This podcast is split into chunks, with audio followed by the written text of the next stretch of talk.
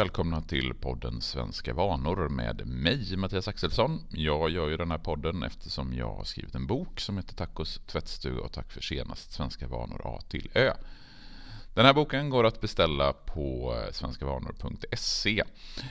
Nu har jag haft ett litet uppehåll i två veckor här på grund av flytt men hoppas att vara tillbaka permanent på fredagar med korta små poddar om olika saker som har med svensk kultur och liknande att göra.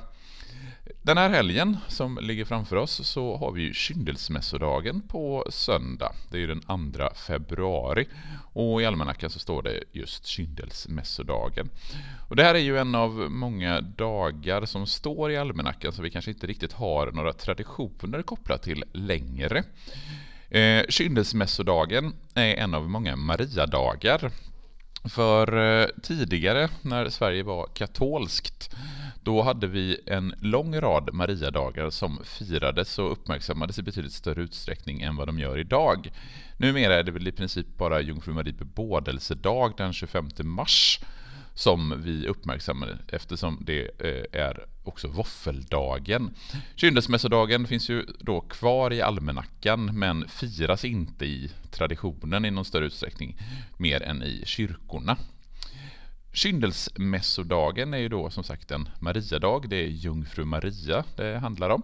Och det är den sista dagen på kyrkoåret som i någon mening är kopplad till julfirandet. För Kyndelsmässodagen kallas också Jungfru Maria kyrkogångsdag eftersom det var på kyndelsmässa, alltså 40 dagar efter juldagen, som Maria gick i kyrkan. Och det det åsyftar på det är en passage i Lukas evangeliet där det står När tiden var inne för deras rening enligt Mose lag tog de honom, alltså Jesus, till Jerusalem för att bära fram honom inför Herren. Det står nämligen i Herrens lag att varje förstfödd av manskön ska helgas åt Herren. Och det som man åsyftar då, det är en passage i tredje Mosebok, för det man måste komma ihåg det är ju att Maria och Josef, de var ju judar och de följde ju Mose lag. Och då står det ungefär, när en kvinna får barn och föder en pojke är hon oren i sju dagar. Sen ska hon vänta i 33 dagar under sin blödnings och reningstid. Hon får inte röra vid något heligt eller komma in i helgedomen förrän reningstiden är slut. Och lägger man ihop då 7 och 33 så blir det 40 dagar. Så det är efter 40 dagar efter juldagen som kyndelsmässodagen infaller, det vill säga den 2 februari. Och fram till 1772 så var kyndelsmässodagen en helgdag i Sverige. Den 2 februari var då en, en helig dag då man skulle gå i kyrkan. Men den stora kalenderreformen som Gustav III genomförde 1772, då flyttade man kyndelsmässodagen till att ligga på närmaste söndag.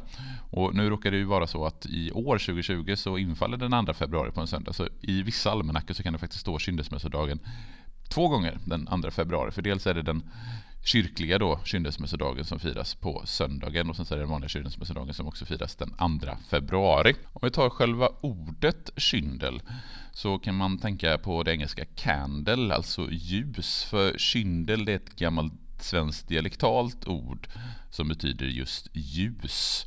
Och det sätt som man inom kyrkan åtminstone firar kyndelsmässodagen eh, det är genom att tända ljus och ha ljusprocessioner och liknande. Det är alltså ljuset som har en väldigt central betydelse under kyndelsmässodagen.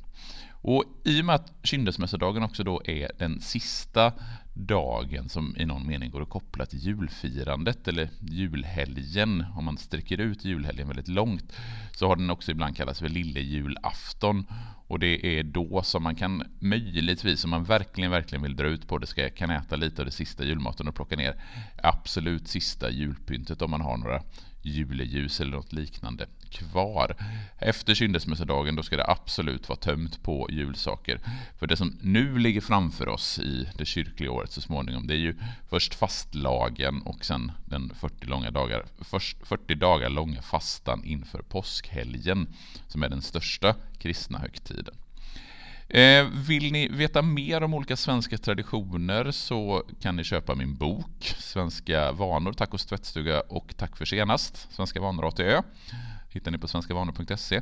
Vill ni veta mer om just svenska högtider och traditioner som kyndelsmässodagen, som jag inte skriver någonting om i boken, så kan jag också rekommendera svenskahogtider.com där jag skriver mer om just eh, kyndelsmässodagen och andra Mariadagar, så hörs vi igen om en vecka. Hej då!